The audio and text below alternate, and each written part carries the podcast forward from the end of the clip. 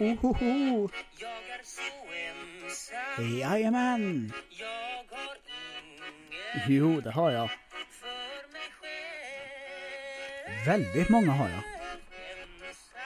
Ensam Jag är så ensam.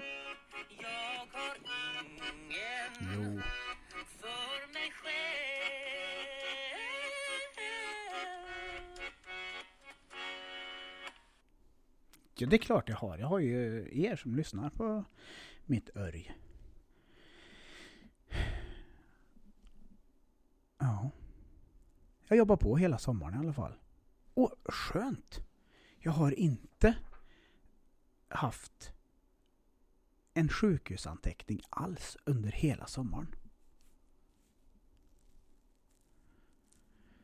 Tills jag får från Centralsjukhusets akutmottagning den 10 oktober. Min dotter fyller år 5 oktober. Efter det börjar jag väl lugna ner mig lite. Men det står så här om mitt aktuella hälsotillstånd. Således tidigare besvär med panikångestattacker som brukar yttra sig med yrselkänsla och snurrighet i huvudet har nu sedan två till tre veckor besvärats av tryck över bröstet centralt och hjärtklappning. Har sovit mycket dåligt, drömmer mycket. Tycker att han har dålig aptit. Förlägger trycket över bröstet till en punkt centralt lite upp till vänster. Han uppger att han haft konstant tryck de senaste veckorna. Ingen utstrålning någonstans, ingen kor korrelation till djup andning eller rörelser. Beskriver trånghetskänsla vid andning, som att han får anstränga sig. Kan dock röra sig vanligt och gå i trappor till exempel utan att bli andnöd, and, få- utan andnöd eller ökad andfåddhet. Till och från haft flimmer i höger synfält som sitter i cirka en till två timmar. Det kvarstående även om man blundar. Ibland känt sig kallsvettig om händerna, haft skakningar i kroppen och beskriver det som en infektion som inte riktigt bryter ut. Söker nu akutmottagningen då han eh, i morse haft episoder då han låg i sängen och, upp, och efter uppvaknandet kände sig fortsatt mycket trött efter trots 12 timmars sömn. Upplevde skakningar i armar och ben som orkeslöshet. Uppmärksammade sedan att cirka 10, eh, 20 minuter har gått. Han förstod inte hur. Han själv tror att han har varit avsvimmad. Efter detta känt sig disorienterad och orolig. Efter en stund hände samma sak igen, obevittnat. Förnekar eh, feses och urinavgång. Alltså jag förnekar att jag har bajsat och kissat på mig. Eh, förnekar tungbett. Aldrig varit med om något liknande. Därför tillkallades ambulans. Och det var då i oktober. 18 oktober. Jag vaknar och jag har sovit så jävla mycket. Men jag har sovit dåligt. Jag vaknar och jag känner mig jättekonstig. Superkonstig. Jag vaknar och ska resa mig upp och bara känner hur, hur det blir svart. Och nästa gång jag kollar på klockan så har det gått 20 minuter. Så jag tror att jag har svimmat i sängen.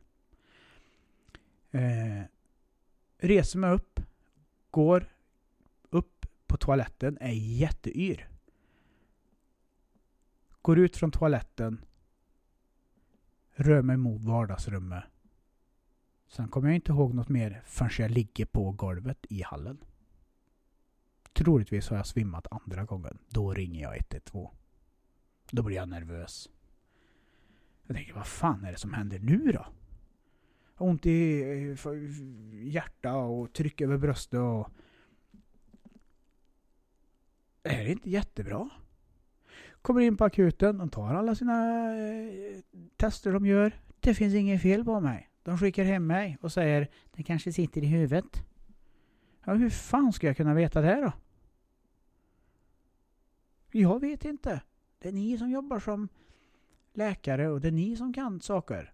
Men ni kan ju tydligen bara utläsa vad ett blodprov säger. Och därefter så är det, det finns inget fel. Så var lite sjuk och ha problem med den psykiska ohälsan som gör eh, att min panikångest ut, utfaller på det sättet att jag svimmar. Jag menar, då har det gått jävligt långt. Jag har gjort allt jag kan under den här tiden för att få ordning och reda på det här. Jag har gjort allt jag kan. Lik förbannat är det ingen. Så då gör jag så att då ringer jag till min Maria på vårdcentralen, Kasernhöjden. och förklarar. Du, det, det, det, nu har det varit stressigt jävligt länge och det är ingenting jag kan påverka. Jag, jag, jag mår liksom inget bra. Jag tappar ord. Jag svimmar två gånger. Jag var på akuten. Vad fan ska vi göra nu? Vad i helvete?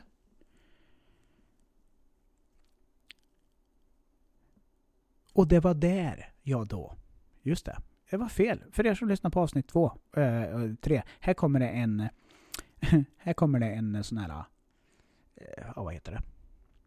Dementi. Jag sa faktiskt fel förut. Eh, jag hade inte börjat på min SSRI, SNRI-medicin Duloxetin förrän nu, den 21. Det är då, när jag svimmade, som jag kände att okej, okay, jag måste på något sätt få hjälp med någonting så att jag håller ihop. Det här funkar inte. Under den här perioden så var det också en uttagningsprocess till om jag skulle kunna få ett jobb eller inte. Eh, då jag gick vidare från intervju, eller från tester till intervju hit och dit. Jag visste ingenting. Så den 28 september, eh, nu är vi inne i oktober, 18 oktober var det ju det ballade ur för mig. Eh, men i september där, 28 september fick jag reda på att du har ett heltidsjobb. Wow! Då kunde jag slappna av. Och det var då de mesta grejerna kom ikapp. Men jag fick ju fortfarande inte det att funka i huvudet. Så då ringde jag Maria och sa att du, nu, jag tror nog det är dags att jag testar den här medicinen nu ändå. För att det här funkar inte det här går inte. Jag, jag, jag, kroppen blir inte bra liksom. Så då sattes jag in på Duloxetin. Började på 30 milligram och sen så gick jag upp till 60. Och eh, för att hjälpa mig att sova lite fick jag Lergigan. Och den fick jag på grund av att jag vaknade med... Oh, shit. Oh fuck. Nej, vad fan. Så vaknade jag varenda dag. På grund utav dels att jag sov dåligt på grund av axeln och dels för att jag hade min panikångest. Så jag vaknade som att jag försov, som man gör när man har försovit sig. Jävlar! Lergiganen tog bort den. Jag kunde vakna i lite mer lugnare stadie. Kan man säga stadie? Nej, det kan man inte. Nu ska vi se. Lägger vi den där. Tar vi ut den snusen där. Tar vi ut två. Lägger vi in två nya då. Vita håller jag på med nu. Eukalyptus mentol. Fy fan vad gött. Så jag fick Lergigan för att kunna sova bättre och jag fick Luxetin. Och just där och då så tror jag att det kan ha varit bra för mig. Men det är ju ingen medicin som du bör gå på under fem år, tio år. Det finns inga biverkningar, men det är ju ingen bra medicin att gå på. Så jag gick upp mina jävla 60 milligram där. Och började få ordning på saker och ting. Det är ändå, det är ändå oktober liksom. Vilma har precis fyllt år. Jag har precis eh, landat ett jobb. Plus att jag blev vägskickad på en kurs som gjorde att jag inte sov på ja, det var ju det som bröt ut. Jag åkte iväg på en utbildning och en kurs och sov knappt någonting på fem dygn. Och när jag kom hem då, det var då jag hade sovit i ett och ett halvt dygn. Helt slutdränerad. Det var ju det som kickade igång den här eh,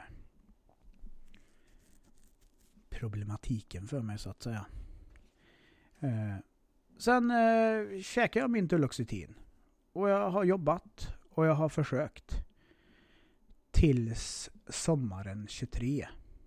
Eller ja, sommaren... Innan sommaren skulle jag vilja säga. Eh.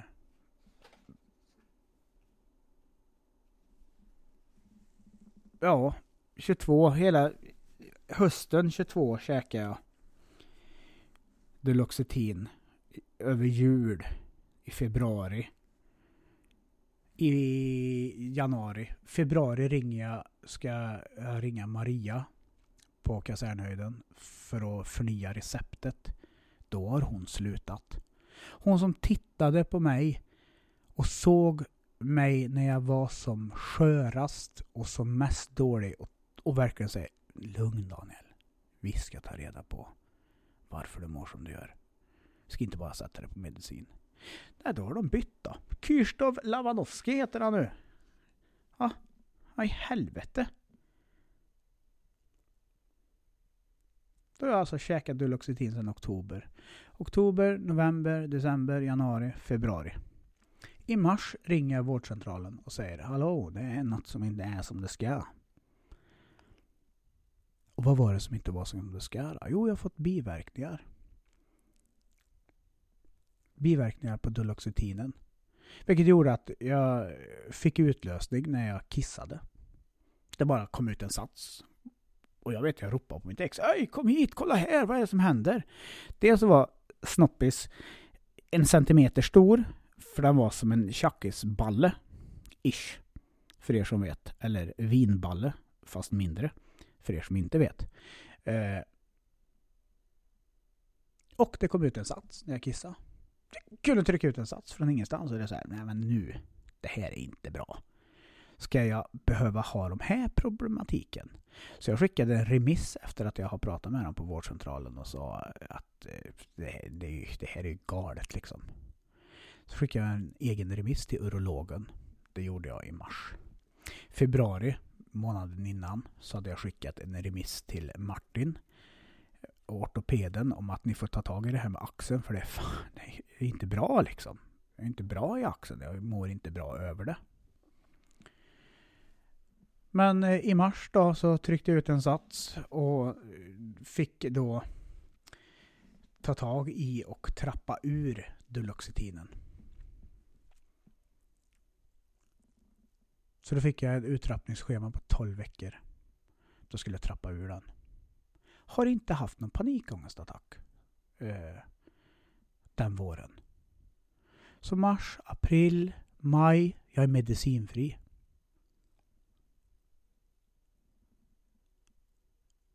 Och tjafserna börjar om vardagsgrejer hemma. Jag börjar känna, nu börjar jag komma tillbaka liksom. Eh, i mars det året så var, man, var jag också till eh, Spanien och hälsade på Malin och hennes föräldrar. Malin som för övrigt nu i efterhand efter Spanien har blivit en väldigt god vän. Eh, är tillsammans med en väldigt god vän till mig vilket är jättekul. Så världen är fan inte stor. Eh, men jag trappade ur där nere i Spanien och det funkade bra. Kom hem, vardagstjafsarna började igen. Varav mitt ex säger Det var så mycket bättre Daniel när du åt medicin. För då tjafsar du inte med mig.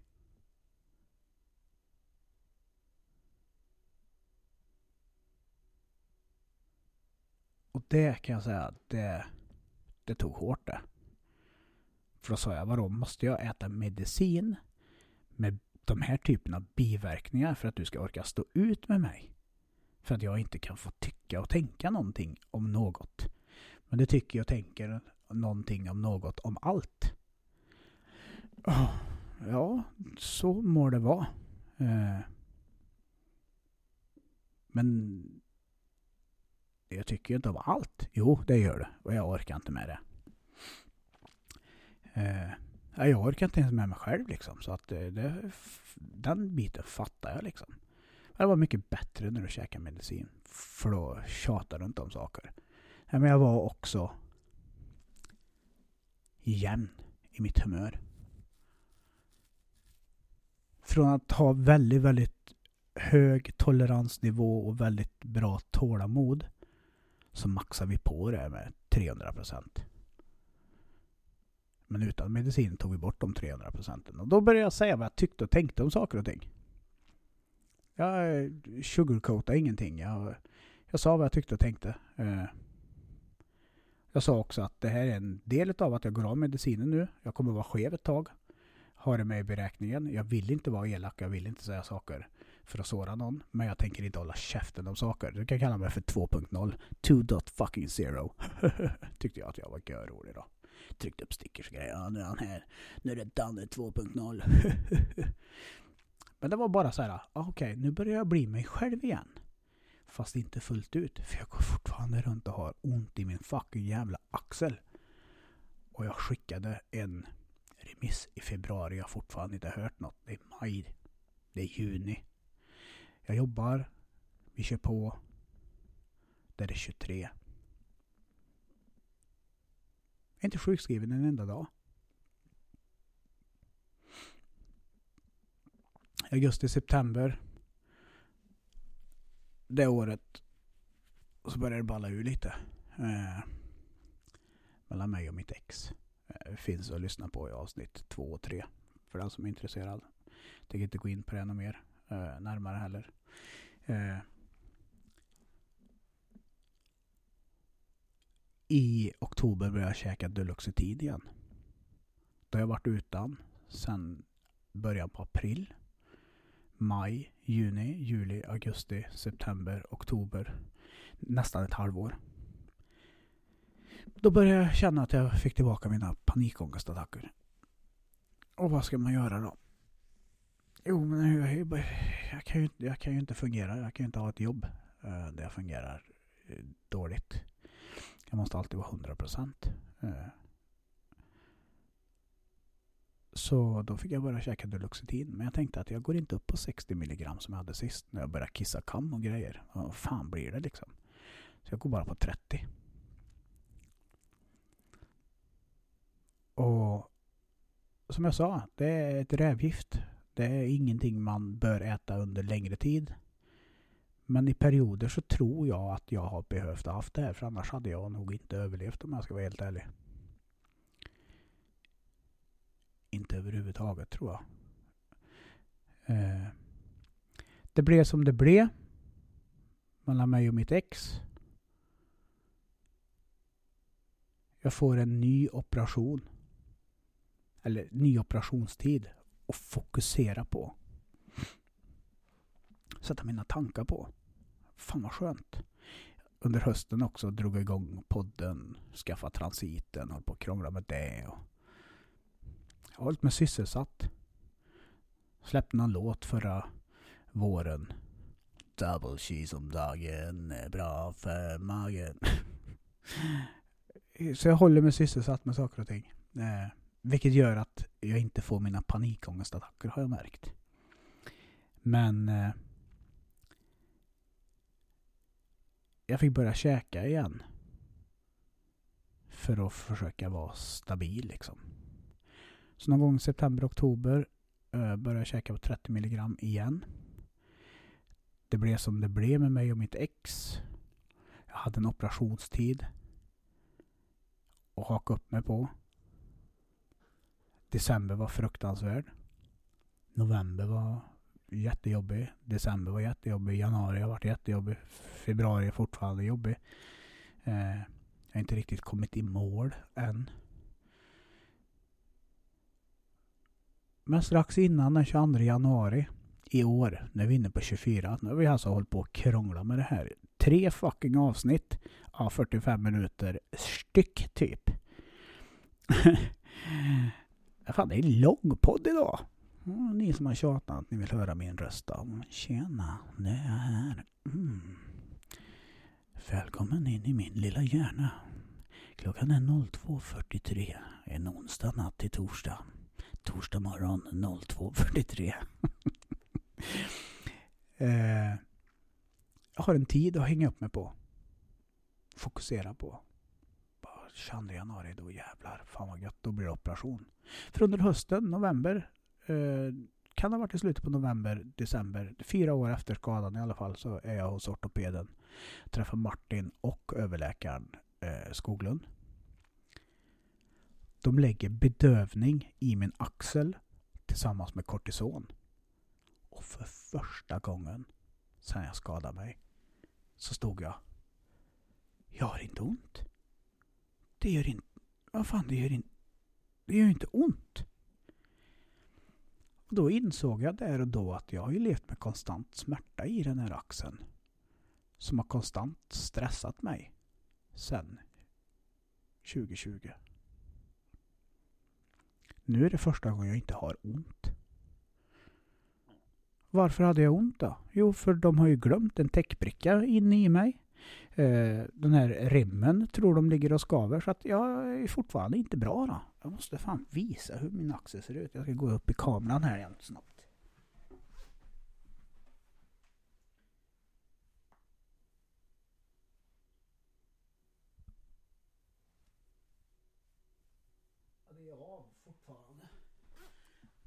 Ni som hörde knäppet var också min axel. Eh, så 22 januari. Då jävlar. Då blir det operation. Äntligen kan jag bli fri. Äntligen kan jag sluta ha ont. Äntligen kan jag få bli mig själv igen. Januari kommer. Det är mycket jobbet, det är mycket runt omkring. Jag säger till Hampeli. Jag funderar på att trappa ur medicinen för jag känner inte att jag behöver den längre nu. Ja, men ska du verkligen göra det nu? Ja. Det är väl inga problem. Jag ska ju vara sjukskriven. Jag ska ju operera axeln 22 januari. Ja, men ska du verkligen, verkligen, verkligen, verkligen krångla med det nu? Ja, men jag har potensproblem. Eh, kommer aldrig till avslut liksom. Massa biverkningar på medicinen som får mig att inte känna mig stennöjd liksom. Ja, men är du verkligen säker på att du ska göra det här? Nej, nej, jag skulle råda dig att avsluta. Eller eh, vänta med det, säger, säger Hampeli. Självklart, säger jag. Självklart. Jag... Eh, Ändå så, vad fan du vet, jag har fått testa nu på recept. Jag har gått en utredning på det också, mitt uppe i allt det här. Eh, jag tror jag kanske bara klarar mig på teston. Jag behöver inte ha Duloxetinen. Så jag får fan trappa ur den. Så jag började eh, uttrappningsschema 22 januari var operationen. Det är lugnt. Jag kan sitta här och, och må lite halvdåligt. Jag kommer ändå vara sjukskriven. Jag kommer ändå vara nyopererad. Jag ändå vara fucked up ändå liksom. Så då kan vi lika gärna gå av medicinen. Win-win. Slipper jag göra det under tiden jag jobbar. Så jag började. 16 och 17 januari. I år ringer de från ortopeden. Tja, du det har varit eh, lite mycket här nu så vi får flytta din operation. Here we go again for the second time motherfuckers. Och jag bara, jaha, när blir den av då då? Ja, 8 februari. Ah, Okej. 8 februari. Ja men det är typ två och en halv, tre veckor. Ja, ja men okej. Jag får nog klara mig på jobbet de här två och en halv, tre veckorna. Det är inga problem. Ringer upp arbetsgivaren. Hej, du det blir ingen operation den 22 januari. De har flyttat det till 8 februari. Jaha, okej, ja visst. Blir det ett problem där? För de får ju fixa med vikarie och sånt under tiden jag är borta. Jag börjar känna av att jag börjar bli... Jag börjar känna av tinnitus-tjut i öra, ryckningar i ögon, ögon eh, i speciellt i vänster öga. Det flackar lite med blicken. Jag börjar känna av de här grejerna. Jag tänkte att ja, men det är lugnt, jag härdar ut. Det är 8 februari. Jag måste klara av det här. Det är inga problem. Allt går.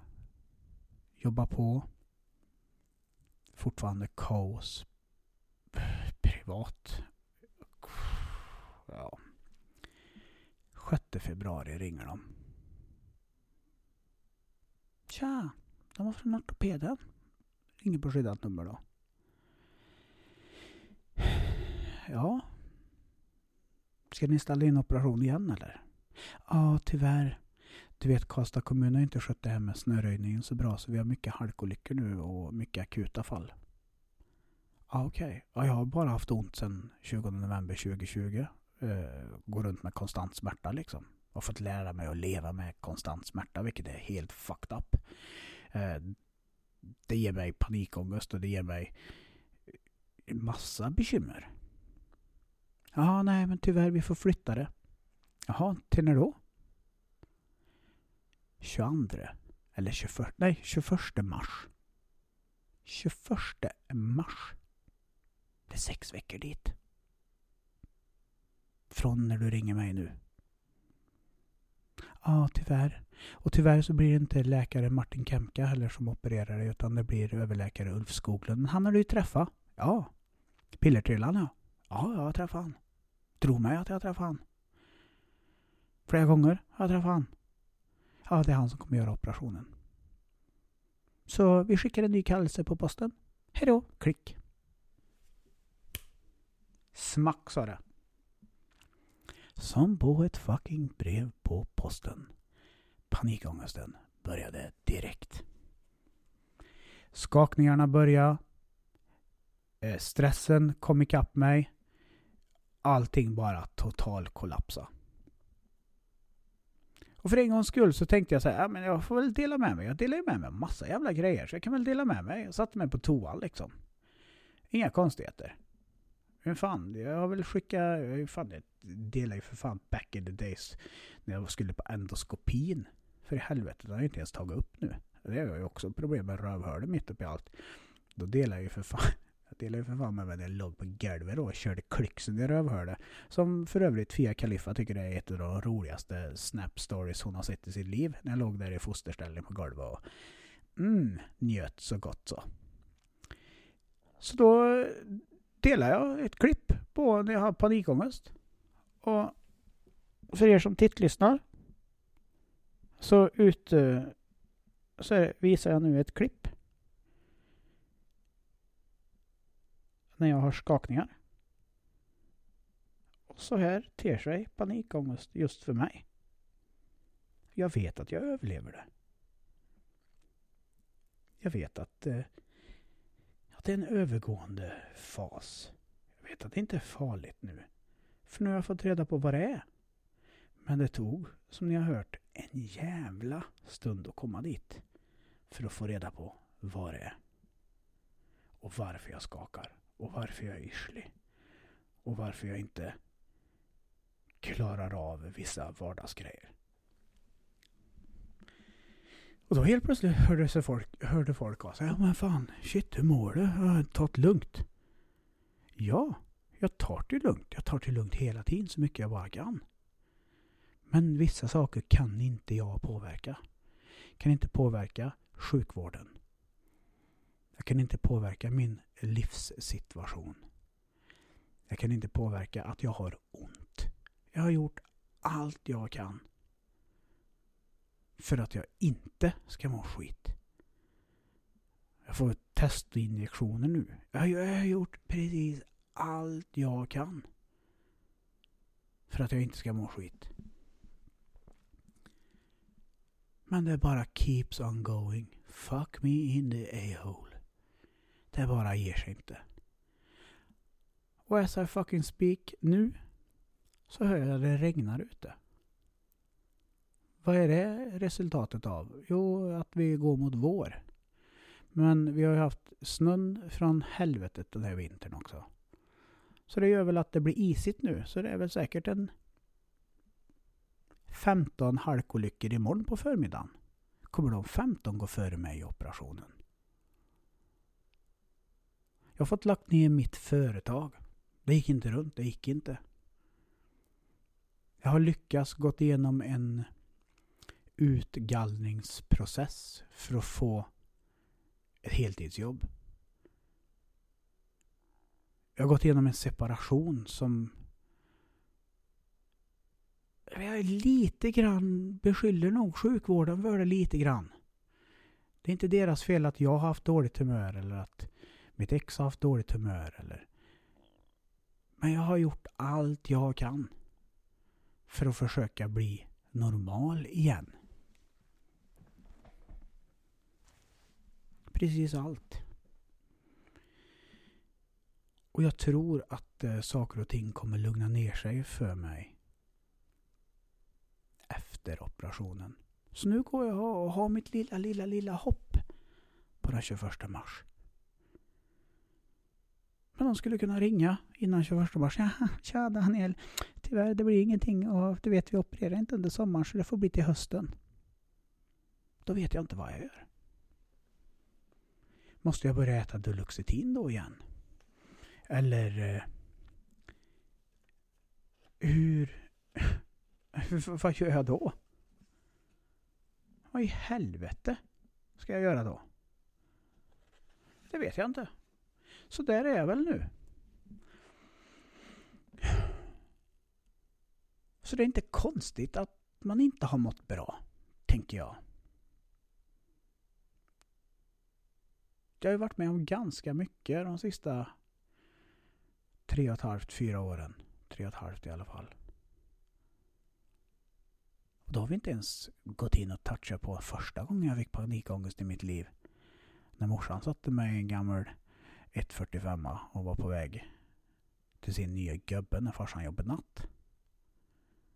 Jag tänkte att jag skiter i att prata om sådana saker. Men de sista åren har varit fruktansvärda. Och det är en del som har hört av sig till mig. Du pratar så mycket öppet om hur du mår. Ja, men det gör mig gott att kunna prata om det. Det gör mig gott att kunna ventilera med någon. För jag själv orkar lyssna på det. Och det gör ju mig uppenbarligen gott att sitta och örja om sådana här saker. Och sen att det är någon jävla dåre där ute som bara ah, fan vad gött det var att lyssna på. Du är så jävla brutalt ärlig och bla bla bla. Win-win då, kanske? Eller vad man säger. Men just nu är mina förhoppningar på den 22 mars. Då jävlar. Eller 21. Jag säger 22 hela tiden, men det är för att Dan Persson fyller år den 22 mars. Eh, då, då, då ska det fan bli ordning och reda på gubben igen. Förhoppningsvis så blir det... Blir jag som jag... Jag är, jag är full i energi egentligen, positiv. Eh, fan, jag är en ganska bra snubbe ändå. Eh, men jag har inte varit görbra de sista åren. Det är jobbigt att gå runt och känna att man inte mår bra. Det är jobbigt att gå runt och känna att jag kan klappa ihop vilken sekund som helst. Jag kan börja skaka här vilken sekund som helst. Det är inte görroligt. Det gör en inte stengött, det vill jag inte säga. Men jag tänker att efter operationstiden, då jävlar. Då kanske, då kanske det blir ordning och reda på den här lille gubben. Men eh, för er som har varit intresserade av att höra, vadå, vadå? Du säger att det är axelns fel? Ja. Det har varit mycket axelns fel och sjukvården. För övrigt nu då sen Maria försvann så eh, sa jag i avsnitt, eller i del ett här nu att jag går hos en psykolog som heter Kent. Han är jättebra. Eh, riktigt bra eh, gubbe. Men det kostar ju pengar. Får ju ta det ur egen ficka. För det är ingenting som landstinget står för längre. De stod för fyra besök. Men då... och sa att ja, det är konstigt. Eh, alltså Maria försvann. Hon är den enda som har tagit mig seriöst. Och inte bara ja, ah, ditt blodtryck ser bra ut, gå hem. Alltså, ja men... Är det konstigt om jag listar mig där de jobbar nu liksom? Eller är det lite stalking-beteende? För hon är den enda, enda i sjukvården som jag litar på.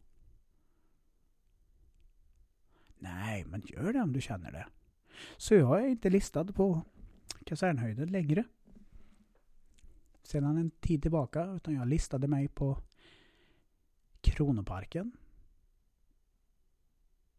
Men jag fick inte henne. Jag fick en gammal klasskompis lillebror istället fick en Gustav istället för en Maria. På grund av att jag är född den 28 september. Förbannat. Ja men det, du får mig. Du kan inte välja. Men jag vill ha Maria ja. Nej det får du inte välja. Du får mig nu. Ja Gustav. Hoppas du är bättre än rötterna där du kommer ifrån. För Kils vårdcentral, Den var stendåligt det. Kan inte rekommendera en person där. Och din kära mamma Aino, hon var säkert jättebra när hon jobbade där. Jag hoppas du är bättre Gustav. Så är det. Nej, så ni är en del som undrar, ja men vad fan, när ska du podda nästa gång? Ja, nu är ju uppenbarligen...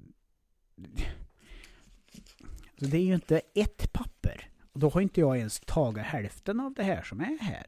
Så jag har inte velat dra ut allt för mycket jävla örj. Men det, det är ganska mycket som har hänt sedan 2020 då.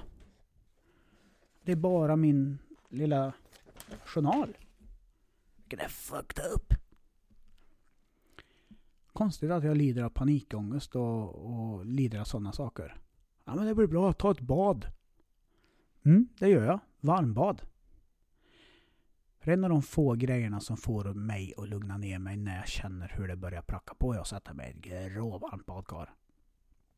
Alltså, då får jag andas ordentligt och det handlar inte om att jag ska chocka kroppen som att den ska dö. Jag har en god vän, eh, vill inte nämna han vid namn, eh, men han har liknande problematik som jag har med ångestproblematik och eh, allmänt dåligt mående liksom. Han sa en så jävla vettig grej som tog hårt på mig. För jag kunde relatera till den. Han hade en bekant runt omkring sig. Han hade ångest som sa Du vet det här med ångest. Det är en sån här fight and flight vet du. Du tror ju kroppen och hjärnan tror att, att du ska dö nu. Att det, är, det, är, det är därför du reagerar som du gör vet du. Det är inget farligt. Bara polaren tittade på sin kompis och sa Tror jag ska dö? Jag vill fucking dö. För jag vill inte må så här. Jag önskar att jag dog. Jag är inte rädd för att dö. Men jag önskar att jag dog nu. Och den känslan kan jag relatera till. För när det är som värst. Det är inte att jag är rädd för att dö. Det är inte att jag... Äh, att, att det är så. Utan det är så här. Gött om jag dör nu. Äntligen får jag lite sinnesfrid. Det är ganska talande faktiskt. Just det här med psykisk ohälsa och ångest. Idag när jag vaknade så hade jag ett meddelande från Fia-Kaliffa. Där hon sa att hon hade lyssnat på radion. Där det var en gubbe som hade skrivit en bok. Som hette Bli dig själv igen. Någonting sånt, sa hon. Som handlade om eh, SNRI och SSRI-preparat. Det är egentligen, tanken med dem från början är att du ska gå på det kanske en halvår max. Sen ska du trappa ur. Du ska ha det som en krycka. Som ett hjälpmedel i vardagen. Men folk kan gå på det i fem år, tio år. Det finns de som har gått på antidepp i 25 år. Det är lugnt, det är inte vanebildande. Och de vågar inte gå av. För de vill inte ta risken att må skit en gång till. För då går de sönder. Jag gick in och köpte den här boken. Direkt. Den hette Bli dig själv igen. Hur du trappar ner och blir fri från antidepressiva mediciner. Eh, jag gillar inte att läsa böcker. Jag är inte en person som läser böcker jätteofta. Men jag ska ge den här boken en chans. För jag tror det kan stå ganska mycket vettigt i den.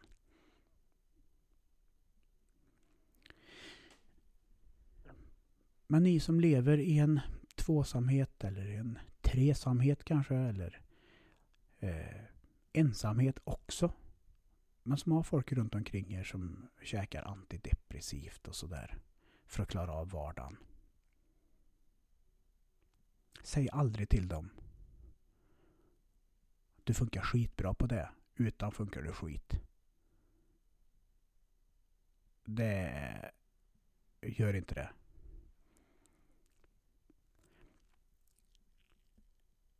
Får de heller inte att känna att det är fel på dem. Ah, ja, du är så annorlunda nu så att du har nog en depression. Ja, jag har en depression. Ja, ah, du, du är så konstig så att eh, du kanske ska gå iväg till någon läkare eller en psykolog och prata lite grann. Jaha, okej. ja. Ja, du kanske har en depression. Går iväg till vårdcentralen och får 20 snabba frågor. Hur mår du? Ja, skit. Okej, check. Eh, eh, skulle du vilja dö någon gång? Ja, varje dag. Check. Ja, du har en depression. Här har du antidepressiva. Ät dem, så ska du se det blir bättre. Försök och inte få er omgivning till att påverka er att ta den här typen av medicin. Ta den om ni behöver den. Jag vet att det är folk som lyssnar på podden och jag vet att det är folk i min närhet som inte skulle klara ett liv utan den. Absolut. Men käka inte den typen av medicin bara för att. bara för att eh, er partner eller er förälder eller era kompisar eller era arbetskamrater eller vem som helst inte orkar stå ut med er just där och då. Varför? Det är väl inte konstigt att folk inte orkar stå ut med mig? Kolla! Lyssna på vad jag har sagt. Fan har sjukvården behandlar mig? Det är klart som fan att jag blir påverkad på något sätt. Men jag ska inte bli påverkad i den här milda grad att jag ska behöva äta medicin. Och jag ska inte behöva höra. Det funkar skitbra på medicinen. Skönt, för du har inte sagt något emot mig en enda gång. Du har inte sagt någonting på flera månader. Det har varit jättelugnt för mig.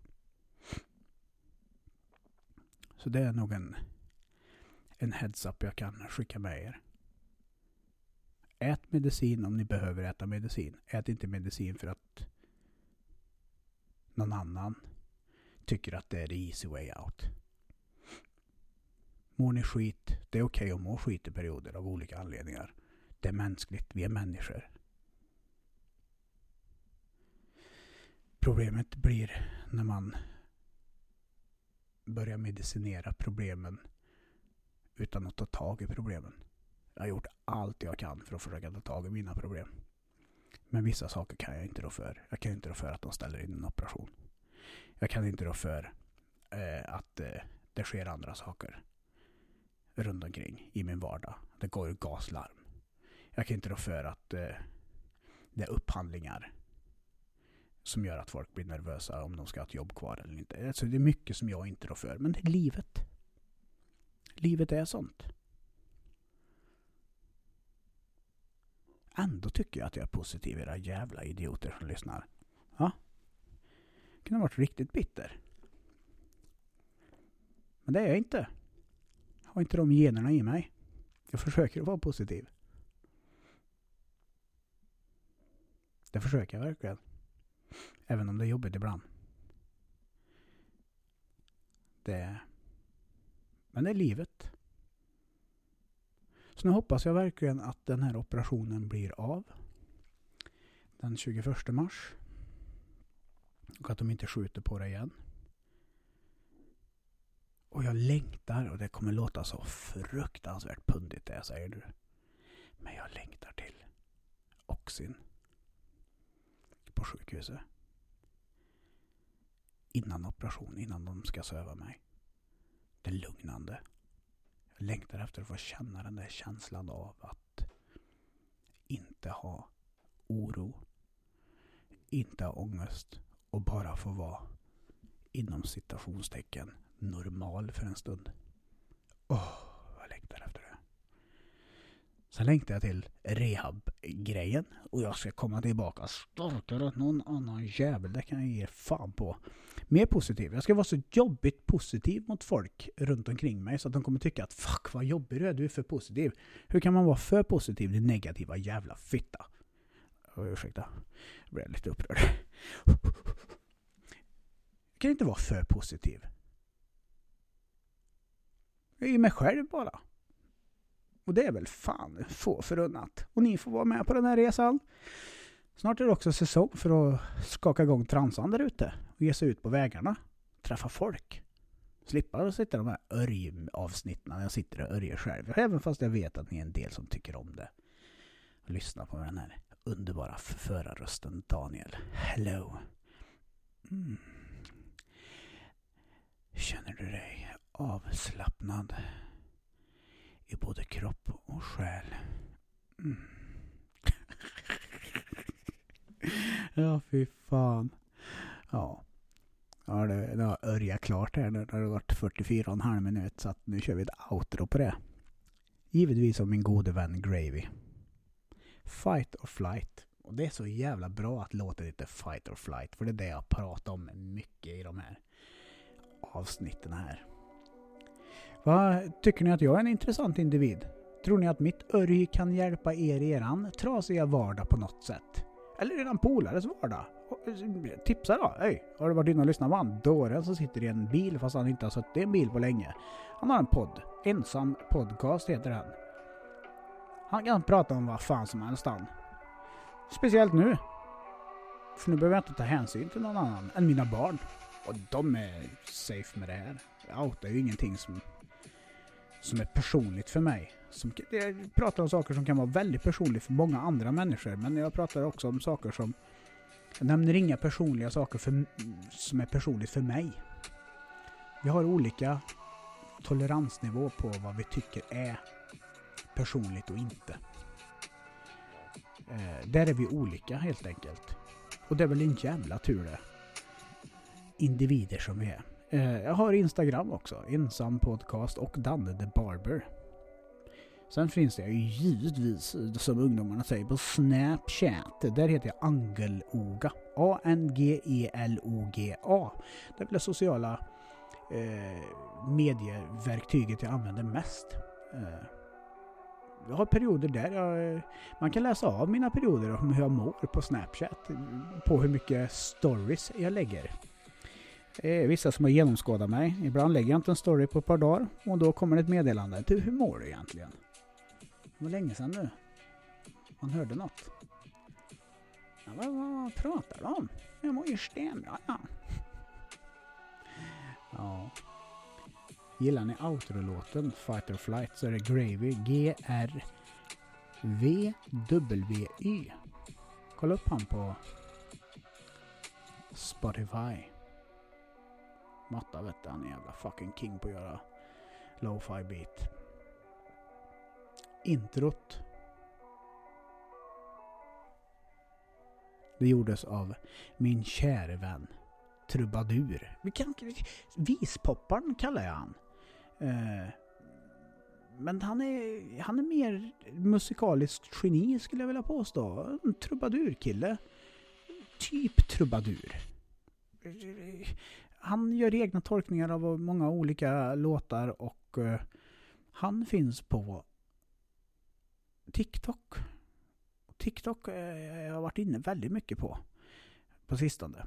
Joakim the Great heter han på TikTok. Rött skägg. Påminner väldigt mycket om min måg. Heter det måg? Svåger. Syrrans kille i alla fall. Eh, till utseende. Så, som jag brukar säga, ta hand om er där ute nu. Säg något snällt till någon som inte räknar med att ni ska säga något snällt. Jag lovar. Det kan göra fucking underverk. Brapp, brapp. Säg till dem. Och eh, vill ni något så skicka en snap då. Jag svarar alltid.